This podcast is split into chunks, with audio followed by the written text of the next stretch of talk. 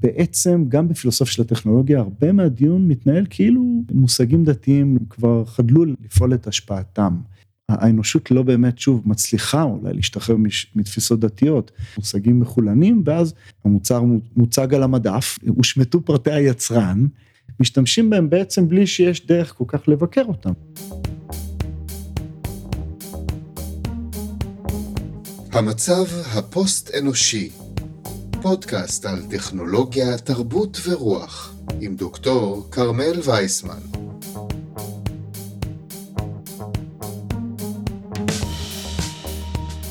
היי, אני כרמל וייסמן. ומתישהו בקיץ התחלנו סדרת פרקים שנוגעת בדת, טכנולוגיה ופוסט-הומניזם, ואז עשינו סוגריים ענקיים והתגלגלנו לכיוונים אחרים, אבל הנה סגרנו סוגריים, וחזרנו בפרק שעבר למיסטיקה של הסייבר פאנק, והיום אנחנו מסתכלים באופן עקרוני על התרומה של תיאולוגיה פוליטית לפילוסופיה של הטכנולוגיה. האורח שלי הוא... דוקטור נדב שיפמן ברמן, חוקר מחשבת ישראל, מעוניין בפרגמטיזם, בכל מיני הקשרים, בין השאר פילוסופיה של הטכנולוגיה. נדב סיים לאחרונה פוסט דוקטורט במחלקה למחשבת ישראל באוניברסיטת בן גוריון, וכעת הוא עמית מחקר בפקולטה למשפטים באוניברסיטת חיפה. נדבר על היחסים שלנו עם חברות הטכנולוגיה דרך מושג הברית התנ"כי, על אפלואוד תודעה, על האגפה, אהבה כוללת קול בנצרות והחילון שלה בהגות הפוסט-אנושית, ועוד. אז בואו נתחיל.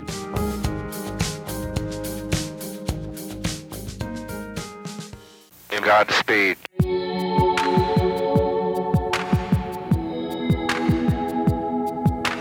לפילוסופיה של הטכנולוגיה הגעתי קצת באיחור באמצע הדוקטורט, אני חושב שזה בעיקר בזכות או באשמת, תלוי איך רואים את זה, הנס יונס, של קשת של שאלות שקשורות לטכנולוגיה, אבל בעצם גם לאתיקה סביבתית, למשמעות של כל מיני תפיסות דתיות אה, שיונס בעצם טוען שהאנושות לא השתחררה מהם גם עם העידן החילוני המודרני, והקשר הזה בין שאלות בעצם מטאפיזיות לבין שאלות בעצם שהן פרקטיות, אתיות, מעשיות. וזה קישור שהוא לא כל כך נפוץ היום, זאת אומרת היום הרבה מהפילוסופיה עושים אותה באופן הרבה יותר רזה, במידה רבה בעקבות רולס, כן, שהוא נקי ממטאפיזיקה, בעצם בואו, אנחנו לא נצליח להגיע להסכמה על העקרונות הראשונים, או על המחויבויות האתיות אפילו, אבל בואו נדבר על הבעיות עצמן ונראה אם אנחנו מצליחים מאחורי מסך הבערות להסכים.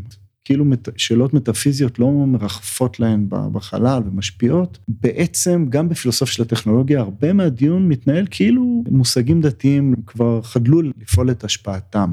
האנושות לא באמת שוב מצליחה אולי להשתחרר מתפיסות דתיות, מושגים מחולנים ואז המוצר מוצג על המדף, הושמטו פרטי היצרן, משתמשים בהם בעצם בלי שיש דרך כל כך לבקר אותם. גם יורגן הברמאס התחיל לפתח את ההגות שלו על העידן הפוסט חילוני בזכות הניסיון למצוא תשובה חילונית ראויה לביוטכנולוגיה. הוא גילה שהדת יושבת עמוק בגניאולוגיה של האתיקה, וזה גרם לו לפנות לאפיפיור באותו הזמן ולנסות לכתוב ולחשוב יחד איתו. נדב פועל ספציפית בהצטלבות שבין יהדות לזרם הפילוסופי הקרוי פרגמטיזם. דוקטורט, במאמרים שאחריו הצעתי שיש קשרים מיוחדים בין הפרגמטיזם למסורת היהודית, זאת אומרת, זו הסיבה שזה מעניין אותי בתור חוקר מחשבת ישראל, כי אני מציע שהפרגמטיזם הוא שם חדש בפילוסופיה האמריקאית לכמה צורות מחשבה ישנות במסורת היהודית, שהפרגמטיסטים הקלאסיים היו מודעים להם בהקשר התנ"כי. העולם האנושי כפי שאנחנו חווים אותו, אפשר לחשוב עליו כקונטינגנטי לגמרי, או על היקוות מוחלטת, תחשבי על שפינוזה, כן? שגם מציג איזה מודל מאוד אה, סטטי מבחינה מסוימת של ההוויה, הוא מקיף את כל הצדדים שלה, או אה, תארים והאופנים שלה, אבל יש בו משהו מאוד סטטי. הפרגמטיזם הוא יותר באזור הרוטט והפליבילי, שהוא קשור גם ליחסים בין אישיים. בכל אופן, האזור שנראה לי מוזנח בין הקונטינגנטיות לבין ההיקבעות, כן, הוא האזור של ה-fallibility, כן, של ontological fallibilism, זה שהעולם נמצא ככה באיזה דינמיות מסוימת, שיש בה רצף, יש בה כמובן כל הזמן שינויים, ושיש גם מימד רלטיבי במובן הבין אישי גם. בואו ניקח דוגמה כזו למושג מהתנ"ך, שעוזר לנו לנסח אתיקה של טכנולוגיה. יצא מאמר אה, של טל ג'רסקי ושלי, פרופסור ג'רסקי ושלי, על תרומת מושג הברית להתמודדות עם, עם שאלות של הסדרת טכנולוגיה. אנחנו מוצאים את מושג הברית במסורת היהודית כמושג שיכולה להיות לו פרודוקטיביות לגבי התמודדות עם, עם אתגרים בהסדרה של משפט וטכנולוגיה בין כן, ענקיות האינטרנט, הטכנולוגיה, לבין משתמשי הקצה והרגולטורים.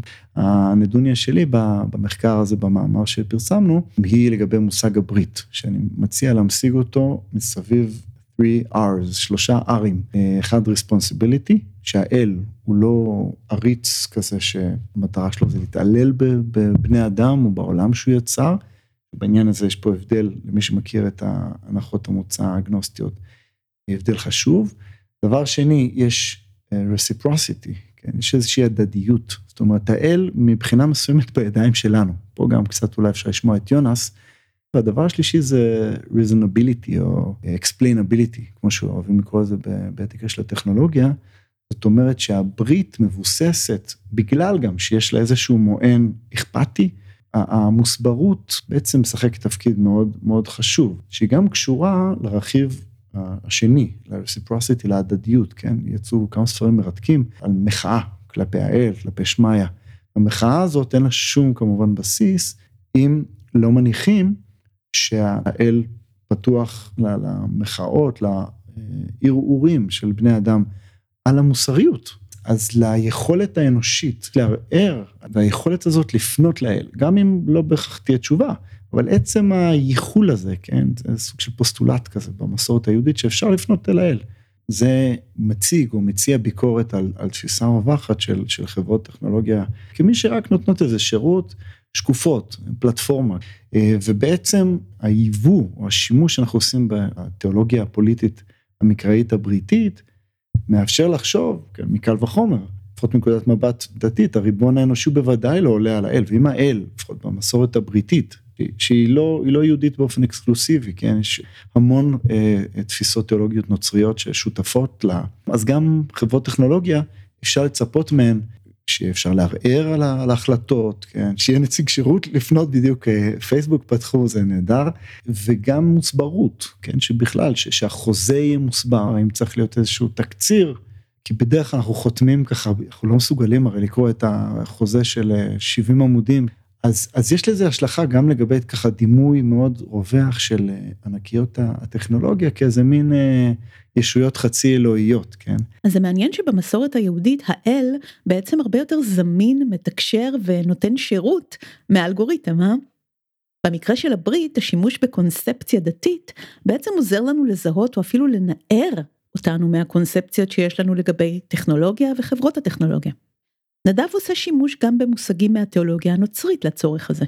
נגיד בהקשר של הפרגמטיזם, אני התעסקתי הרבה עם המושג של הפרלביליזם, המועדות לטעות האנושית, שגיאות אפשר לקרוא לזה, או תאיות, וזה מושג שהוא, פירס פיתח אותו בתחילת שנות ה-70 של המאה ה-19, ממש שנים ספורות אחרי ה-infallibility, כן, דוקטרינת האל טעות האפיפיורית, שפירס אמר, כן, במקום אינפוליביליטי, בוא נדבר על פלביליזם, על זה שאנחנו כבני אדם מועדים לטעות. למקרה שלא הכרתן את הרעיון, אז מדובר בדוגמה כנסייתית, שסבורה שהאפיפיור בשבתו על התקן הזה כאיש האלוהים הראשי, פשוט לא יכול לטעות. כל דרכיו משפט מה שנקרא.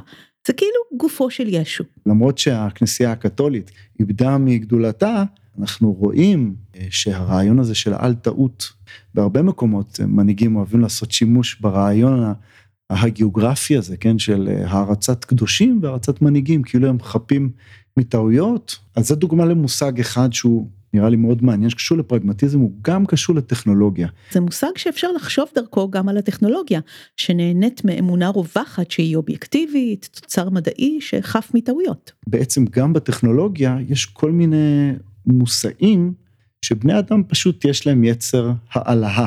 זה יצר מאוד מאוד אה, כנראה קמאי. ואולי היתרון של תרבויות דתיות כמו היהדות, זה שיש אה, ביקורת מאוד מאוד מושחזת על היצר הזה של עבודה זרה. אבל בואו ניכנס יותר לעומק לעניינו של הפודקאסט הזה. התפיסה שלי לגבי פוסט-הומניזם, הוא שמדובר בתפיסה מאוד אתאיסטית.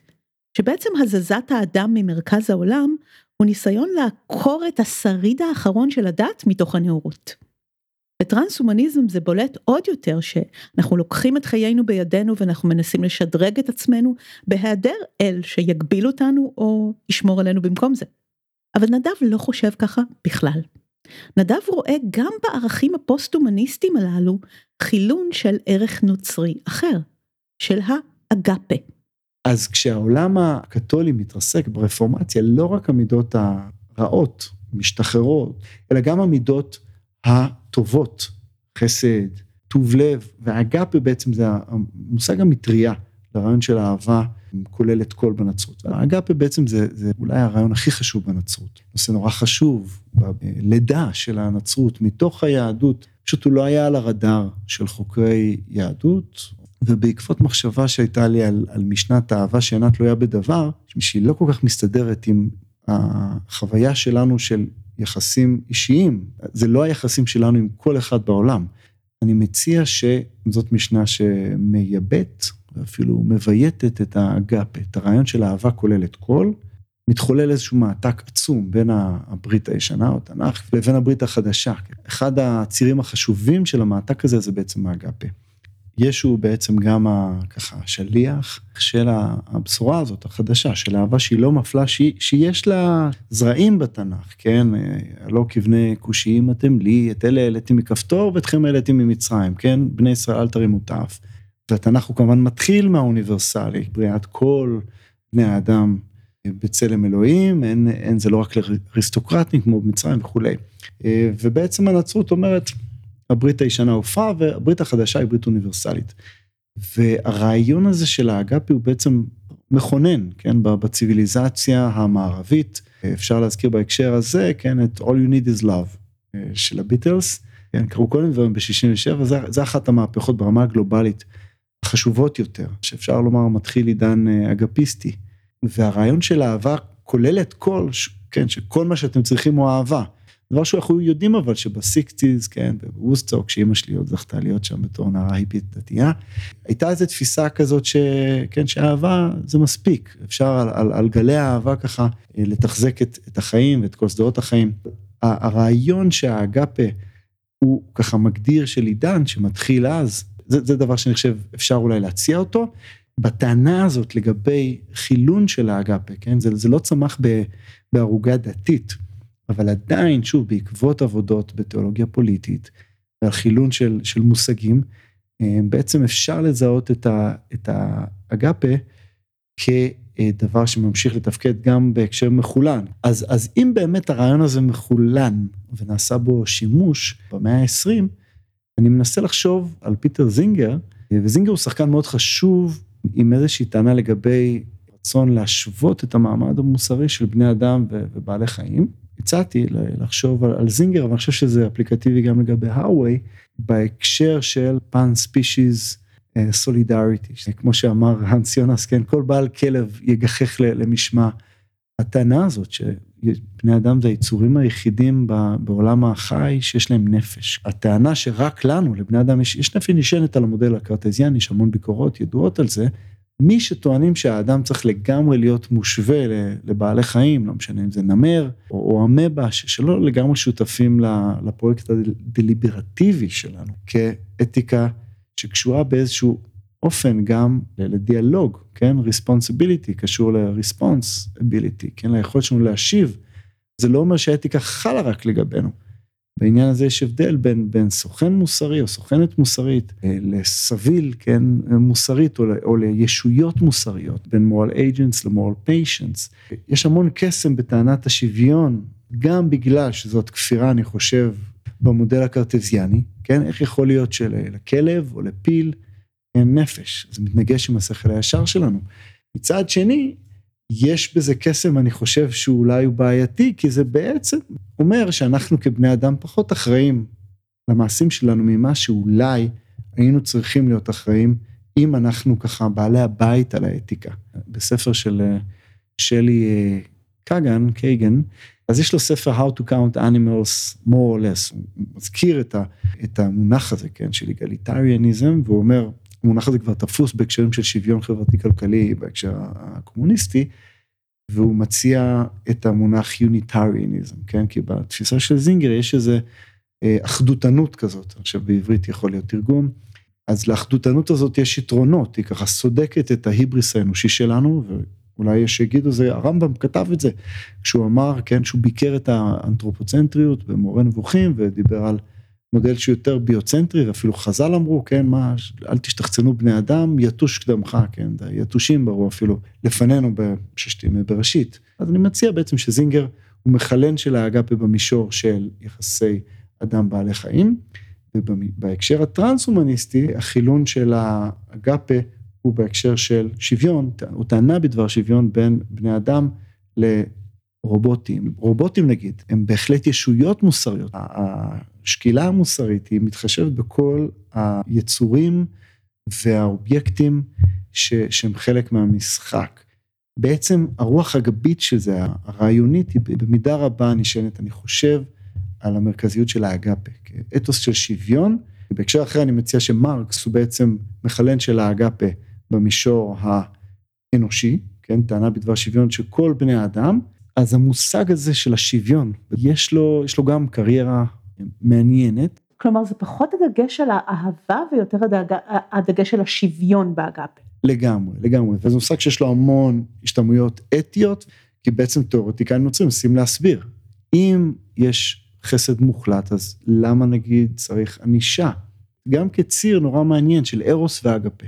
האם מספיק האגפה, או, או צריך גם את הארוס, כן, שזה מייצג את, גם את המשפחה, את ההולדה, את כל התרבות החברתית או הרב-דורית, יחסי שארות, הם, הם יותר מאשר המחויבות שלי למישהו בצד השני של העולם, אולי לא, אז כנגד הטענה שלי על כך שהזרמים הפוסט-אנושיים מנסים לנער מהנאורות את שרידיה האחרונים של הנצרות ואת ההאחזות שלה באדם כמרכז הבריאה, נדב טוען שהפוסט-אנושיות פשוט מחליפה השראה דתית אחת באחרת, והיא מחלנת, אולי בלא מודע, עיקרון תיאולוגי נוצרי של אהבה כוללת כל, שבפועל מתרגם לתפיסות של שוויון.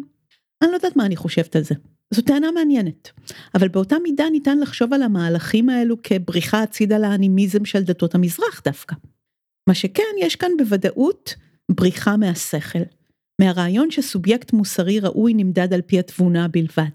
אחד מביטויי האנתרופוצנטריות זה הלוגוצנטריות, הדגש יתר על הלוגוס כמהות האדם. ואני חושבת שהבעתי בפודקאסט הזה בעבר חשש שהדבר הזה יגרום לנו להטיה שניתן זכויות לישויות שכליות מדברות כמו בינות מלאכותיות, לפני יצורים חיים וסובלים כמו בעלי חיים. אז האגפה הנוצרי חותך דרך זה. אז אני מסכים איתך לגמרי לגבי ההטייה של הצד הרציונלי בתוך הנשמה או הנפש, שאנחנו אה, לגמרי מבקרים בכף, מעדיפים את הצד הרציונלי כחברה. מה מגדיר בן אדם מאז הרמב"ם אני מזכיר אותו פשוט כי הדעה שלו הייתה מאוד, כן, לוגוצנטרית כזאת, כן, שהצד הרציונלי הוא הצד שמגדיר בני אדם, והוא דיבר מאוד בזלזול הרמב"ם, נגיד, על אנשים שהם לא משכילים, כן, ממש שהם כבהמות. המקום של התבונה בתוך הנפש האנושית, המקום הבלעדי מדי ש, ש, שזה תופס, הוא מטריד. נדמה לי שהיום הרבה מאוד אנשים מבינים שיש משהו מאוד ברברי בטענה שהאדם הוא רק שכל, גם פה הפרגמטיזם מאתגר את הבונטון. וויליאם ג'יימס כתב, כן, זה sentiment of rationality, היום זו תזה מאוד רווחת, שהתבונה שלנו היא איכשהי ערוגה בעצם בתוך הגוף שלנו, אפשר לגמרי להפריד את זה. דמאסיו, כן, שהתודעה שלי לא רק במוח, שכל הזמן זה, זה, זה קשור לכל הגוף שלנו. כל עצמותיי תחשובנה, אפשר לומר, אבל עדיין הרעיון ש, שהאדם הוא בסופו של דבר תבוני, וזה הרכיב היחיד שמשפיע, זה רעיון מאוד חזק. אם השאר האכפתיות החברתית תבוטל, אז בעצם זה רעיון מאוד דורסני, וראינו את פוטנציאל ההרס שלו, אבל גם ספציפית הוא בעצם חוטא לטקסונומיה של יכולות. כן, כל מיני כישורים אנושיים, זה לא רק תבונה, רכיבים גם גופניים, חברתיים, דמיון, הוא יצורים מאוד מורכבים, לכן הרדוקטיביות היא חוטאת למורכבות של היצור האנושי, אי אפשר להעמיד אותנו על עדן אחד.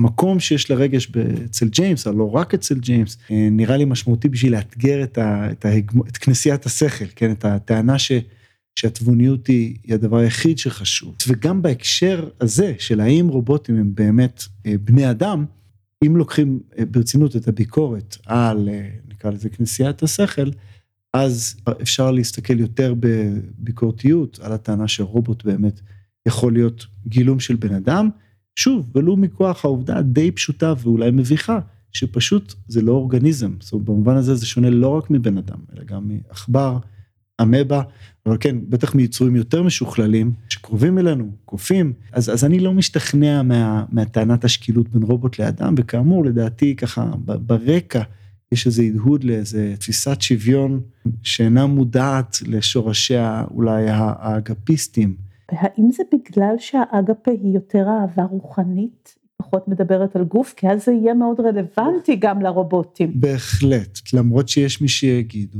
שהרובוטים הם חומריים מאוד, זאת אומרת שהחומרה היא חלק מהתוכנה, אבל השאלה האם רובוט הוא באמת uh, embodied being, היא שאלה בעצם שתלויה בסוגיה החמקמקה הזאת של האם יש לרובוט תודעה, האם אפשר לדבר על רובוט כהוא בכלל, ולא כזה.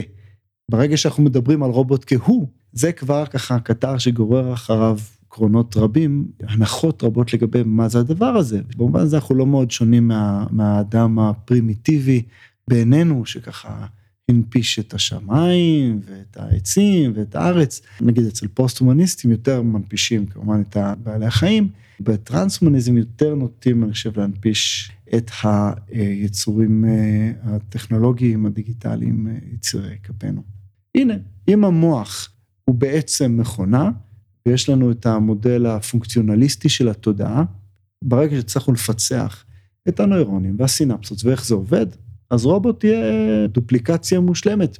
אם המודל של דקארט עומד ברקע, כן, של תפיסה מכנית לגמרי, אם מנקים את, ה, את התאיזם שלו, נותר בעצם עולם מכני לגמרי, שגם האדם והמוח שלו, הם נשארים כמו, כמו איזה מכונה שהיא אוטונומית. יותר ויותר חוקרות וחוקרים, אומרת שיש בעיה עם המודל הזה, ושגם בהקשר הסביבתי, הוא בעצם אפשר לנו לחשוב על העולם כ- כמשולל נפש. אז זה לא אומר שצריך לחזור לאנימיזם, או אפילו להנפשה של ישויות דוממות וצומחות בעולם, כן? זה לא בטוח, נגיד בעדינות, שעצים הם לגמרי בני אדם, כן? במחילה מכבודו של נתן זך והפסוק בספר דברים ש, שמשווה ומנגיד בין אדם לעץ השדה. אם יש איזושהי עודפות בעולם, שהיא לא רק של בני אדם, גם לחתולים יש איזושהי עודפות שהיא, שהיא קשורה למושג הנפש, שהנפש היא, היא, היא איפשהו בגוף. לא ברור לנו איפה העודפות הזאת יושבת, שלא על איזשהו אורגניזם, איזשהו יצור שיש לו, שיש לו גוף.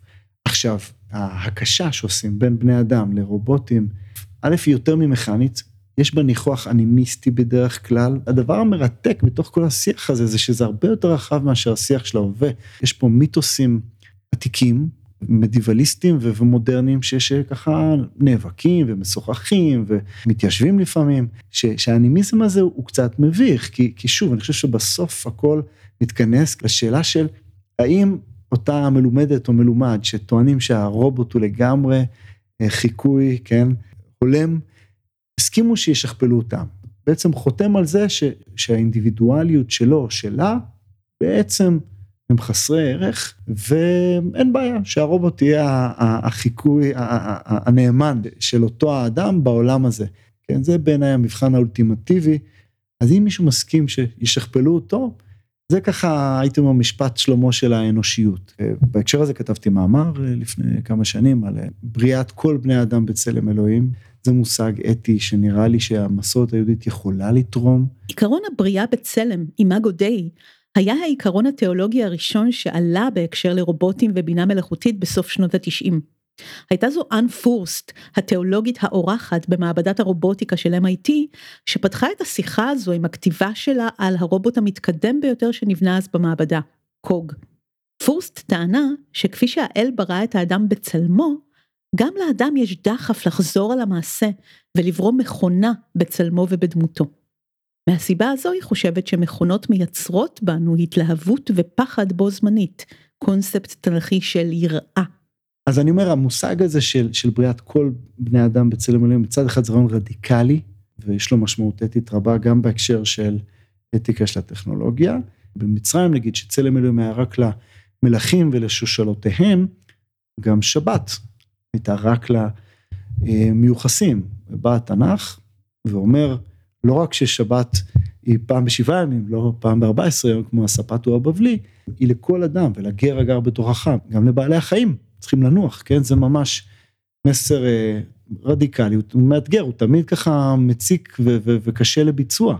כמובן שבהקשר של הטכנולוגיה, הוא, הוא יכול לעבוד לשני הכיוונים, כי בעצם שבת זה יום אחד בשבוע, ושאר הימים בעצם ששת ימים תעבוד, כן? זאת אומרת, העולם שלנו הוא טכנולוגי, אבל ההבנה שגם יום בשבוע אולי אנחנו צריכים ככה להאט ולבלות יותר זמן במקומנו. תחום אחר של השראה דתית, אפשר למצוא גם במכניקה הדתית של הנשמה, בהשוואה למכניקה שמציעים לנו כדי לחלץ את האינפורמציה שהיא אנחנו מתוך מגבלות הגוף, מה שנקרא upload תודעה. תראי, זה מתחיל בהישארות הנפש, שזה חתיכת אקזיט אה, בתולדות אה, מדעי הדתות.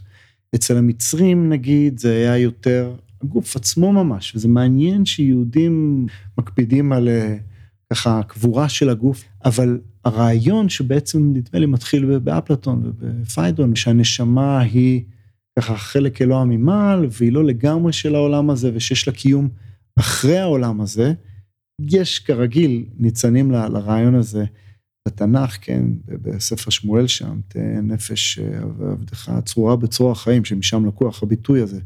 תהי נפשו צרורה בצרור החיים, מה זה צרור החיים? זה לא לגמרי ברור, אבל התנ"ך הוא ספר די נטורליסטי. זאת אומרת, האדם זה, זה גוש חומר, כשהוא נולד הוא נולד, ואחרי זה הוא יורד למטה, כן, יש את התיאור הקוסמולוגי המאוד אה, אה, מתומצת של תהילים, כן, השמיים שמיים לאדוני והארץ נתן לבני אדם, לא המתים יהללויה ולא כל יורדי דומה. ברגע שאתה דומד, זהו. אבל איפשהו ב, בתוך בית שני, אפלטון ואחרים, רואים את זה גם בכת מדבר יהודה, אה, במגילות קומראן, את הרעיון הזה של הנשמה יש, יש קיום שהוא לגמרי נפרד מהגוף, אולי יחזור, אולי זה יהיה גוף חדש, כפי שבקבלה בימי הביניים, אחרי זה גם כל מיני פיתוחים מעניינים, אולי גוף של אור. כל מיני וריאציות מאוד מעניינות על, ה, על, ה, על המוטיב הזה של הנשמה שהיא אלמותית, שהיא בעצם בלתי תלויה בגוף. היא בעצם מאפשרת לנו לחשוב שמשהו מאיתנו יישאר לנצח. האם זה רק השכל, כמו שנגיד הרמב"ם חשב, הפנטזיה הזאת על נפש שמגיעה בקופסה, אפשר להעביר אותה, היא לא פנטזיה שנולדה בעת החדשה, יש לה קריירה, יש לה כל מיני קשיים, כי אנחנו רואים שהנשמה היא, ספוג, היא ספוגה באיזשהו אופן בתוך הגוף, היא פועלת בתוך הגוף, טראומות שהבן אדם והגופניות אה, אה, ככה מצטלקים מהן, הן בסוף איכשהו נשארות בגוף. הגוף, כן, שפילוסופים רבים מתעלמים ממנו, הוא תופעה מתמדת, ופה נכנסים גורמים שהם לגמרי פסיכולוגיים. בעצם לטענה שאפשר להנדיד, כן, את התודעה שלנו, לעשות mind uh, uploading, כאילו היא לא ספוגה בגוף, להעביר אותה לגוף סיליקון, או ברזל, או מה שזה לא יהיה אחר, יש לה מוטיבציות מאחורי ההנדדה הזאת, יש לה, אפשר לחשוב מנקודת מבט של פרום, אריך פרום גם שחקן מעניין בהקשר הזה, כן, המנוס מחופש. של הקושי להתמודד עם החיים בעולם הזה, כן, שכל יצור מתמודד איתם, בחיים השבריריים הפליביליים, פה אנחנו חוזרים לפרגמטיזם, בתוך העולם הזה, הם קצת מבאסים, יש איזה את, את הייחול הקרטזיאני הזה לתשובות מוחלטות, שהם יהיו תמיד, כן, מאז ולתמיד, שבהקשר של הטכנולוגיה זה נורא מעניין, אני אוהב לחדש כמו פירס, בהשראת פירס, לחדש מילים. אה, בעברית, אז ככה הצעתי את המונח הזה, טכנולוציה, כביטוי לטכנולוגיה, שהמטרה שלה זה להפוך אותנו למשהו אחר, אולי פוסט אנושי, אולי טרנס אנושי. אז בעצם הכל מהתנ"ך. גם התיאולוגיה הפוליטית היהודית, אבל גם זאת הנוצרית שמשמשת במקרים הללו. זו גם נקודה פרגמטיסטית. אין היכולת להגיד, בסדר, אני לא יודע אם קרו הדברים שמסופרים בתנ"ך ככתבם, אבל עדיין יש דברים נורא מעניינים ואפילו אולי מהפכניים או רדיקליים מבחינה מוסרית ובטח מאתגרים ללמוד מהרעיון הזה גם שבעד כל בני אדם בצלם אלוהים, גם של ביקורת הומניסטית על העבודה הזרה, זה, זה דבר שלמדתי אותו במידה רבה מאריך פרום, זאת אומרת שהוא, שהוא היה אתאיסט בעיני עצמו, הייתה לו הגות יהודית מרתקת על הפטישיזציה, כן, של האדם, זאת אומרת הפיכת האדם לסחורה בתוך התרבות הקפיטליסטית, ופה זה מעניין, כי כאתאיסט איך הוא אומר את זה, אבל הוא כן חשב שיש איזו משמעות as if it כזאת, כן? as if, אה, או פוסטולטית לתנ"ך. גם של החשיבות של השיחה. הרעיון הזה שלמילים יש איזה משמעות, הוא רעיון שכמובן אה, רוסק במאה ה-20 על ידי כמה הוגים, כן? לך דומייה תהילה, כן? שבעל ספר תהילים אומר על האל, אלא גם לגבי בני אדם, עדיף היה שנשתוק, אנחנו לא, לא מביאים שום טובה בזה שאנחנו מדברים. אם זה נכון, כמובן אפשר לזרוק את הפודקאסט לאש, וזה מניח שאת לא תסכים עם זה, כרמל, כי בעצם מציע שבדיאלוג יש סיכוי שנגיע להבנה, שנקדם את ההסדרים החברתיים שלנו, אולי נשפר אותם, אולי נצמצם נזק, בוודאי שמנקודת מבט דמוקרטית, לרעיון של המילים ולמפגש הבין-אנושי, לשימוע, כן, אייכה. למה אל צריך להגיד אייכה אם הוא יודע הכל? בעצם ההשראה המרכזית של נדב בעניינים האלה היא הנס יונס. חוקר חשוב של אתיקה יהודית ואתיקה יהודית בהקשר של טכנולוגיה, שקצת נשכח בשיח של הימים האלו, ונראה לי שחשוב לחזור אליו. יש משפט מאוד יפה של יונס, שהוא אומר, מה החשיבות של עשרת הדיברות? החשיבות של עשרת הדיברות לאדם המודרני, היא בעצם בהצבה של סימני שאלה או תמרורי אזהרה, כן? האדם המודרני, יש לו, יש לנו המון המון כלים, ומעט מאוד, או הרבה פחות, יכולת לדליברציה מוסרית, בטח בעידן הרשתות הדיגיטליות, החברתיות, הכושר הזה קצת אה, נפגם. אז הוא אומר, מצוות לא תעשה בעצם באות קצת לאתגר את כל היכולת שלנו. זה לא חוכמה רק לעשות את מה שביכולתנו, החוכמה היא לפעמים לפחות לדעת לעצור באדום ולשאול את עצמנו, האם הטכנולוגיה שייצרנו היא מביאה ברכה לעצמנו, לאנושות, אולי צריך להגביל אותה אה, לאור עקרונות של ברית או עקרונות אחרים, אבל זה כמובן לא, לא מסר כנגד טכנולוגיה, אלא בעד אה, קידום של, של שיח אה, אחראי על טכנולוגיה ועל השימוש בה. יש פה כל מיני רעיונות ש, שנדמה לי שהדין וחשבון על המקור שלהם, שהולך כבר לעת העתיקה, של העת העתיקה וקודם, הוא חשוב בשביל שלא נהיה יותר מדי משוכנעים בפרדיגמות שאנחנו ממילא אה, משוקעים בהן, לגבי מה זה טכנולוגיה, לגבי מה זה אתיקה, שנוכל קצת להרחיב את האופקים ממבט הרחפן. אז מה היה לנו? אפשר לעקור את הפוסט-הומניזם מהנצרות, אבל כנראה שאי אפשר לעקור את הנצרות מתוך הפוסט-הומניזם. ודאי שלא את השיח הדתי מהגניאולוגיה של האתיקה בנושאי טכנולוגיה. הרעיון הזה שתרבות חילונית היא בעצם טייק פרשני על תיאולוגיה הוא רעיון רווח. ולקחנו את זה קצת יותר עמוק ורחוק עם האגפה, הדיאלוג הדמוקרטי, האדם כתכלית. ותכלס, התנ"ך הוא מסמך די חדשני, שעדיין עדכני בסוגיות הגדולות של חיינו מסתבר. או אולי זה אנחנו בני האדם שרוצים דברים שרצינו פעם, או שאולי תמיד רצינו. קתרין היילס כתבה באחד מהמאמרים שלה פעם, שמאז ימי הביניים אנשים לא השתוקקו כל כך לברוח מהגוף כמו בימי האפלוט תודעה כיום. נדב טוען שהתנ"ך הוא בכלל נטורליסטי, ושהנשמה המטאפיזית הזאת שהגלגול הנוכחי שלה הוא המידע, זה כנראה מוטיב נוצרי שחלחל ליהדות. ואני אומרת אולי התמיכה פה מגיעה דווקא מהפופולריות של האנימיזם מהמזרח, מה שמאפשר ליפנים לראות ברובוט בן משפחה, כי יש בו סוג מסוים של חיות, ואין את הפחד הזה שהמקור שלו הוא דתי מונותאיסטי, מהרעיון שאולי לדומם יש סוג של נשמה, אימא'לה. לגבי האגפה, לדעתי יש הבדל בין אהבה לשוויון. ובנצרות יש תפיסה אסימטרית שבה ישו מסוגל לאהבה כוללת כל כזו דווקא בגלל שהוא נמצא במעמד גבוה יותר משאר הבריות. מצד שני, אם אנחנו נפתחים למקום הזה אולי זה באמת יוצר שוויון בינינו לבין האל. לדעתי אפשר לדבר על זכויות ממקום של חמלה ואהבה שלא מחייב שוויון. אבל זו טענה מעניינת, ואם יש לכם או לכן דעה בעניין אתם מוזמנים ומוזמנות לקרוא את הטיעון המסודר של נדב במאמרים שהוא כתב שנמצאים בתחתית התמלול של הפרק. עד כאן להפעם, ואנחנו נשתמע בפרק הבא.